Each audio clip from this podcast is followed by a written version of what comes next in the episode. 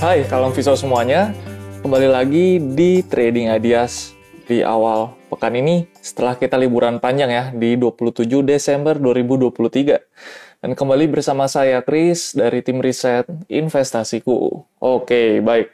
Kita saat ini kembali lagi ya untuk membahas mengenai market outlook dan market review ya pekan lalu terkait dengan indeks kita pekan lalu dan penutupannya bagaimana dan apa sebenarnya yang mempengaruhi pergerakan daripada indeks kita. Baik, eh, tanpa perlu berlama-lama lagi ya, mudah-mudahan semua kawan Visto dalam keadaan sehat. Yuk kita bahas mulai dari indeks global. Jadi kalau memang kita lihat minggu lalu di sini Wall Street ditutup positif dan juga pada perdagangan kemarin karena memang untuk Wall Street sendiri juga sudah open market ya berbeda dengan domestik ya yang memang masih uh, ada cuti bersama. Uh, di sini untuk Wall Street ditutup positif ya baik itu hari Jumat pekan lalu maupun pada kemarin. Kalau kita perhatikan secara lebih detail di sini terdapat optimisme ya daripada pelaku pasar atau investor di sini terkait adanya ekspektasi penurunan suku bunga di tahun depan. Nah, kalau kita lihat lagi di sini ada drivernya nih kawan Visto ya. Kenapa memang Wall Street kita ya untuk di global sendiri ini ditutup di zona hijau.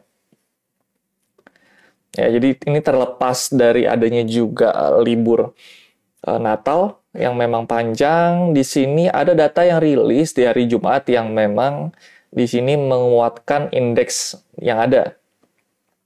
Memang untuk penguatannya cukup uh, oke okay, ya. Di sini terdapat data inflasi yang keluar lebih rendah daripada perkiraan ya. Jadi ini menjadi spekulasi yang kuat bahwa Fed ini akan menurunkan suku bunganya di tahun depan. Dan kalau kita cermati lebih seksama lagi untuk ketiga indeks saham utama yang ada di Amerika Serikat, ya di sini S&P 500 ini menyentuh level intraday tertinggi ya sejak Januari 2022. Dan ini suatu pencapaian positif bagi Wall Street di mana ini juga setidaknya akan berdampak ya cukup positif atau uh, at least ini menjadi mirror daripada indeks yang ada di global untuk uh, menguat juga ya karena memang di akhir tahun ini kita menyambut yang namanya Santa Claus Rally atau kita bisa mengatakan ini sebagai window dressing ya kalau kita familiar dengan bahasa seperti ini. Dan di sini untuk inflasi, terutama untuk personal consumption expenditure atau PCE, untuk periode November 2023 yang menunjukkan inflasi yang terus turun untuk mendekati target tahunan ya, di mana target daripada The Fed ini 2% nih kalau kita uh, mengikuti terus dengan actual ya. Kalau kita lihat untuk PCE November, di sini 2,6 ya, jadi terus turun nih ke angka 2%. Dengan angka previous ini di sekitar 2,9 persen dan juga ini um, melebihi ya atau di bawah daripada forecastnya 2,9 persen dan ini menjadi hal yang uh, cukup baik bagi indeks global dan uh, indeks domestik juga nanti tentunya. Dan di sisi lain ada laporan terpisah di sini juga mengenai uh, pesanan baru ya untuk barang modal inti atau durable goods ya. Di sini untuk uh, barang tahan lamanya melampaui harapan-harapan atau forecast. Ya, jadi uh, secara actual di sini 5,4 persen ya untuk durable goods. Lalu untuk previousnya ini sekitar minus 5,1 persen dan wow ini adalah angka yang fantastis. Tentunya dengan forecast 1,8. Jadi ini jauh melampaui daripada forecast.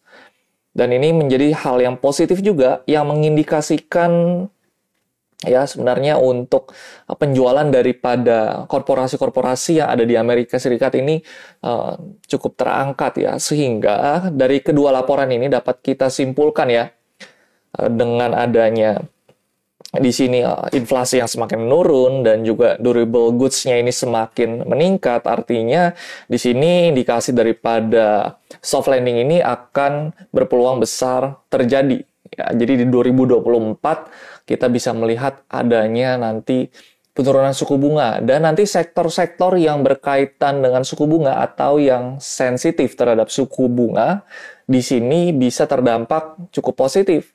Ya seperti yang kita tahu ada properti misalkan atau dari sektor bank digital ya ini menjadi angin segar buat sektor-sektor ini. Oke? okay? Dan itu dari Amerika Serikat kita sedikit singgung ya ke komoditas di mana memang di sini yang disayangkan adalah perang atau konflik yang ada di Timur Tengah ini sedikit banyaknya ada kejadian eskalasi nih ya yang ada di Laut Merah. Jadi ini mengganggu sekitar kurang lebih di wilayah tersebut ya karena memang 12% dari pelayaran dunia ini melewati area tersebut ya. Kalau kita perhatikan kan di area agak utara itu ada terusan Suez ya, di mana di selatannya itu ada Laut Merah. Dan ini menjadi katalis yang sebenarnya positif bagi uh, komoditas, tetapi memang uh, negatif ya bagi keadaan politik yang ada di sekitar sana. Ya, jadi di sini oil price untuk Brent ditutup plus 3,02 persen. Ya, lalu untuk di sini WTI ya, di sini ditutup 3,24 persen. Jadi di sini kenaikannya 3 persen. Ya, yang sepertinya ini diharapkan tidak akan uh, tereskalasi ya, tetapi apa boleh buat yang terjadi ini terdapat eskalasi, tetapi kami harapkan ya untuk konflik ini agar segera berakhir ya. Jadi uh, mudah-mudahan ya um, beberapa negara di sini yang terlibat memang melakukan gencatan senjata ya dan tidak ada perang lagi seperti itu. Jadi uh, untuk komoditas ya apalagi ini kalau kita perhatikan memang kenaikan harga minyak ini uh, akan berpengaruh terhadap inflasi ya yang semakin bergejolak. Jadi ini tidak diharapkan ya. Baik, dan memang ini akan menguntungkan tentunya beberapa saham dari sektor energi ya, terutama dari sektor oil and gas. Jadi kita bisa cermati ini untuk kita melakukan trading jangka pendek ya. Ini dari oil price. Lalu untuk kalender ekonomi ya, ini tidak ada sentimen yang terlalu besar atau tidak ada berita atau news yang uh, uh, terlalu signifikan, tetapi kalau kita lihat ya untuk house price index pada 26 Desember ini meningkat ya um, ke angka 416,3 secara actual Lalu untuk Dallas Fed Manufacturing ini uh, tetap mengalami kontraksi ya untuk uh, Dallas Fed Manufacturing tetapi kontraksinya semakin mengecil ya. Kalau kita perhatikan juga untuk aktivitas manufaktur yang ada di negeri Paman Sam ini kan sudah kembali terekspansi ya. Jadi uh, ini tercermin juga dari Dallas Fed Manufacturing yang terkontraksi tetapi semakin kecil kontraksinya. Lalu untuk di hari ini kita akan menunggu data dari industrial profit untuk year on year di China. Ya, yang ini setidaknya juga akan berpengaruh terhadap pergerakan uh, indeks daripada domestik di hari ini. Ya. Itu untuk kalender ekonomi. Kita bahas langsung masuk ke bursa domestik ya di mana memang untuk bursa domestik kita ini ya pada pekan lalu ditutup positif. Ya, bahkan untuk IHSG ini sepekan ya eh, diwarnai oleh penguatan yang memang di sini ditutup jadi rekor tertinggi di 2023. Eh, ya, kalau kita lihat untuk penopang daripada sektor uh, yang ada ya untuk IHSG penopangnya berasal dari sektor basic industri yang menguat sekitar 0,78 persen. Lalu untuk cyclical 0,68 persen penguatannya. Lalu untuk industrial sekitar 0,52 persen. Baru setelah itu di sektor finance sekitar 0,38 persen. Dan disusul sebenarnya ini oleh sektor kesehatan ya, menguat uh, tidak sampai setengah persen juga di sekitar 0,34 persen. Dan di sini yang perlu kita cermati untuk sektor yang menjadi losernya adalah transportasi ya, yang berkurang atau melemah minus 1,21 persen. Oke, itu tadi dari top gainer dan losernya untuk sektor. Lalu kita bisa uh, lihat ya untuk IHSG, kita review terlebih dahulu kenapa meningkat untuk pekan lalu.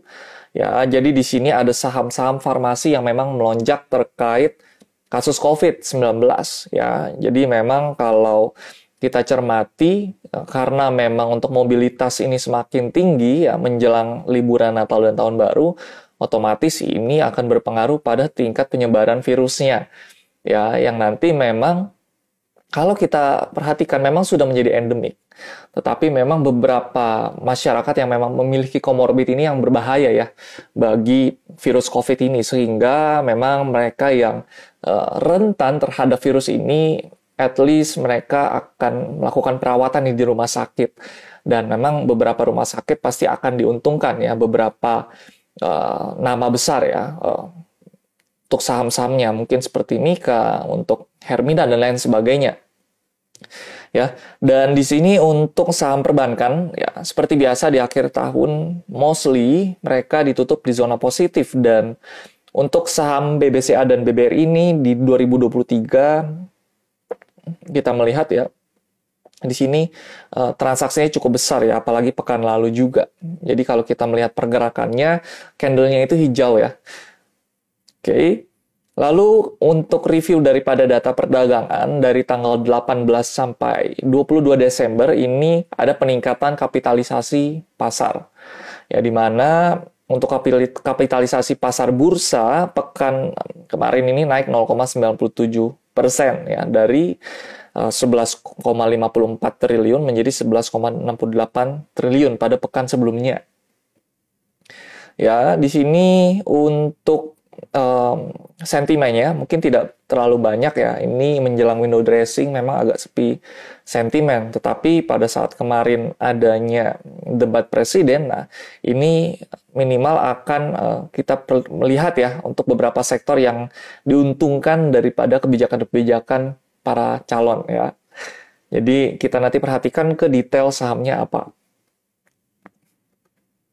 Lalu untuk data Bank Indonesia ya pada tanggal 18 sampai 21 Desember di sini reviewnya adalah pencatatan uh, beli neto ya sebesar 6.377 triliun dari investor asing di pasar keuangan Indonesia. Ya, jadi memang untuk drivernya ini tidak banyak untuk sentimennya, tetapi ini lebih kepada window dressing, Santa Claus rally, dan nanti diharapkan akan berdampak kepada Januari efek juga nih. Itu dari domestik ya. Eh, lalu kita lanjut ke stock pick ya yang memang kalau kita lihat di sini banyak saham yang saya temui pekan lalu yang memiliki price yang baik. Ya, tetapi di sini kita ambil untuk majority-nya yang memang menjadi penggerak IHSG di minggu lalu. Oke. Okay? Sebelum itu, ya, proyeksi daripada IHSG sebelum saya uh, lupa untuk membahas ya. Uh, untuk proyeksinya hari ini selama support 7187 ini tidak ditembus, maka ada potensi IHSG untuk kembali menguat ke 7257 sampai kepada nanti 7300 untuk resisten psikologisnya. Baik, kita masuk ke stock pick dan tidak lupa ini disclaimer on ya. Jadi semua keputusan investasi baik nanti keuntungan atau kerugian yang investor atau kawan Visto semua alami menjadi tanggung jawab sepenuhnya bagi kawan Visto. Jadi diharapkan untuk seluruh kawan Visto dapat mengerti risk profile masing-masing dan tahu nih risk reward seperti apa per sahamnya. Jadi nanti kita bisa adjust atau sesuaikan ya jika memang untuk stop loss kita tidak masuk nih kepada kawan Visto, Anda semua ini bisa menyesuaikan daripada stop loss setiap sahamnya. Baik, kita langsung masuk ke watchlist yang pertama. Di sini ada dari BBNI. Secara price, saya melihat ini yang paling menarik dibandingkan yang lain. Yang memiliki potensial upside cukup oke. Okay. Ya, jadi untuk BBNI ini Kenapa saya memilih saham ini? Karena memang untuk mid Bollinger Band-nya sudah ditembus ya Dan di sini ada pembentukan kalau kawan bisa mempelajari teori daripada divergen, di sini ada divergen. Ya. Di mana secara stokastik ini untuk uh, pergerakannya membentuk yang namanya lower low ya. Tetapi untuk BBNI ini membentuk higher low ya. Di sini kita bisa katakan ini adalah um, positive bullish divergent. Ya di mana memang secara tren memang masih uptrend tetapi secara stokastik ini malah membentuk seperti pergerakan downtrend ya. Dia membentuk lower low. Sehingga BBNI ini masih ada potensial upside untuk meningkat. Didukung dengan MACD yang memang histogramnya ini semakin menipis ya dan mudah-mudahan berubah menjadi hijau yang mengindikasikan pergerakan bullish ya. Untuk BBNI ini range buy kita berikan di area 5225 sampai dengan 5250 dengan area take profit di 5350 sampai dengan 5400 dengan stop loss di area 5150. Kita beralih ke BSD, di mana ini menjadi sektor yang memang sensitif juga terhadap suku bunga. Untuk BSDE secara price ini saya rekomendasikan karena memang membentuk bullish hammer ya di mana secara price ini cukup menarik dan untuk MACD indikatornya bergerak di area positif yang mengindikasikan adanya bullish momentum.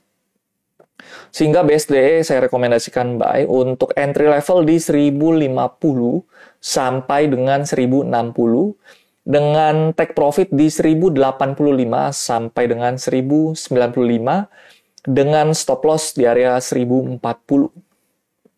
Itu untuk BSDE. Lalu kita beralih ke saham diuntungkan ya dari konflik yang ada ya memang ini lebih ke trading jangka pendek ya. Dan memang kalau diperhatikan untuk akra ini kan lebih kepada distribusi. Jadi untuk uh, kenaikan atau fluktuasi daripada harga minyak ini tidak terlalu berpengaruh ya. ya jadi memang untuk bisnisnya lebih ke hilir ya atau distribusinya. Jadi untuk akra ini saya melihat eh, secara fundamental cukup oke okay, ya masih ada potensial upside dan secara price ini juga tercermin dari fundamentalnya. Sehingga akra saya rekomendasikan karena ada potensi untuk reject daripada area support ya. Di sini ada area support di mana ada potensi reversal dan rekomendasi buy di area 1430 sampai dengan 1450 dengan take profit di 1480 sampai dengan 1500 dan jangan lupa stop loss di area 1420. Itu untuk Akra. Kita beralih ke Antam. Untuk Antam sendiri memang ini tidak terlepas dari pergerakan di XY ya atau USD yang memang uh, cenderung melemah ya terkait ekspektasi penurunan suku bunga sehingga ini korelasinya adalah negatif ya dengan gold. Ketika USD turun, otomatis gold ini naik. Sehingga Antam ini masih ada potensial upside ya mungkin di tengah daripada kenaikan gold. Jadi untuk rekomendasi buy di area 1645 sampai 1665 dengan take profit di area 1695 sampai 1705 dengan stop loss di area 1640. Ya secara price memang sudah uh, break ya daripada garis MA20. Jadi ini indikasinya naik untuk Antam. Kita ke saham berikutnya ada dari SMGR ya. Di sini SMGR saya melihat cukup menarik karena berada di area support yang cukup kuat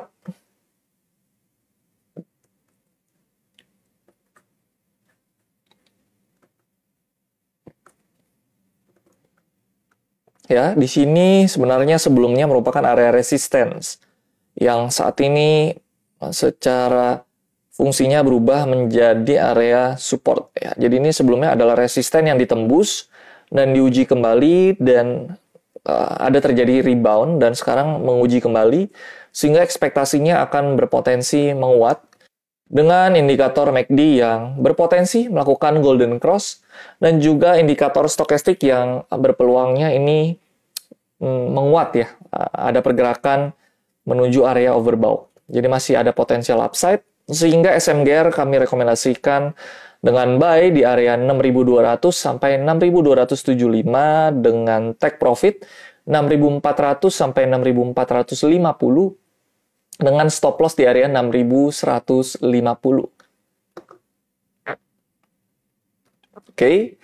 itu untuk watchlist atau stock pick di hari ini dan kita tanpa perlu berlama lagi ya bagi kawan visual yang masih stay ya di sini kita akan ada sesi tanya jawab jadi silakan drop saham atau pertanyaan terkait saham di kolom komentar nanti akan saya analisis secara real time pada chart yang ada di layar kaca Anda.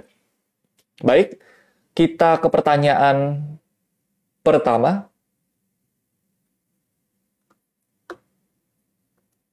Oke, di sini JSMR ya.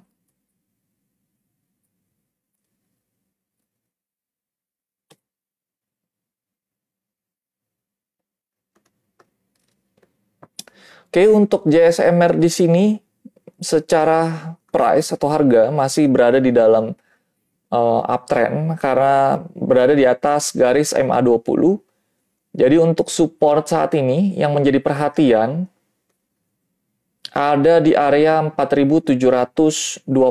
Selama berada di area tersebut ya atau di atas area tersebut, maka potensi penguatan daripada JSMR ini ada di resisten 4830. Oke. Okay. Kita beralih ke Medco, di mana Medco ini ada potensi penguatan, ya, dan di sini ada seperti bullish penan kecil. Ya, jadi penguatannya potensi ke 1165 selama support di 1100 mampu dipertahankan. Kita ke GZCO. Ya, saya cepat ya karena banyak pertanyaan ya, dan mudah-mudahan terjawab semua. Untuk GZCO potensinya secara harga ini masih ada peluang untuk menguji support ya karena stokastiknya mengarah ke bawah ya di sini mengarah ke bawah dan potensi melemah ke 114 selama resisten di 138 tidak ditembus. Oke. Okay. Kita ke Goto. Goto berpotensi ya masih bergerak di dalam sideways dengan range harian di 84 sampai 90. Jadi masih belum menarik ya untuk Goto. Kita beralih ke saham berikutnya ada dari BRIS. Beri secara momentum masih ada potensi pelemahan juga ke support selanjutnya di area 1655 ya dengan resisten terdekat di area 1725. Jadi masih range-nya sideways ya, belum menarik. Itu untuk BRIS. Kita ke Telkom, di mana ini menjadi saham big caps yang cukup oke okay, mungkin untuk ditradingkan dan sebenarnya masih belum menarik ya. Ya, akan menjadi menarik ketika 3980 resisten ini ditembus. Ya, dengan area support di sini support terdekatnya di 3930 ya tutup Telkom kita ke saham farmasi yang memang menjadi gainer juga ya bagi IHSG untuk KF di sini ada resisten di 1675 ya selama resisten tersebut tidak mampu ditembus maka KF ini akan berpeluang untuk terkoreksi ke 1405 di hari ini.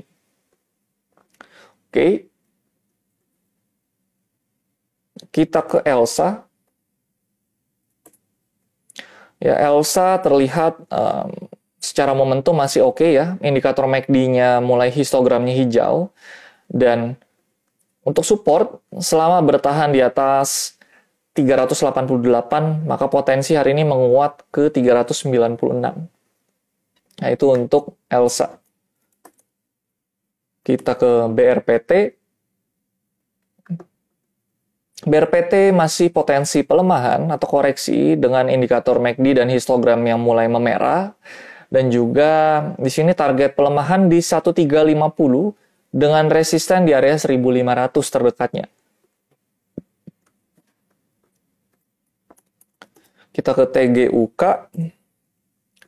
TGUK ini masih downtrend ya secara price Potensi support yang akan diuji ya di 8 selama memang resisten di 94 tidak mampu ditembus.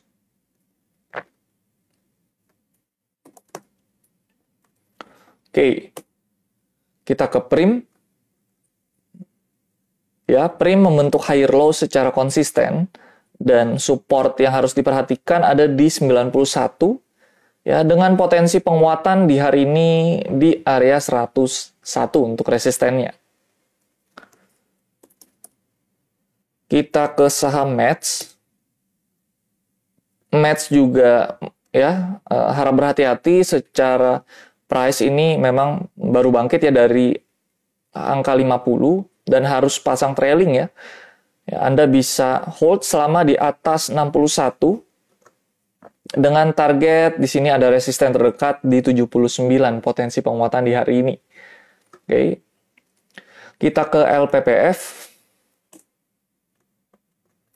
LPPF baru saja breakout daripada area resisten dan potensi penguatan lanjutan ya ke resisten di area 1820 dengan support di 1690. Itu untuk APPS, LPPF. Kita ke AEGS. Secara price, AEGS ini kan adalah saham IPO, ya.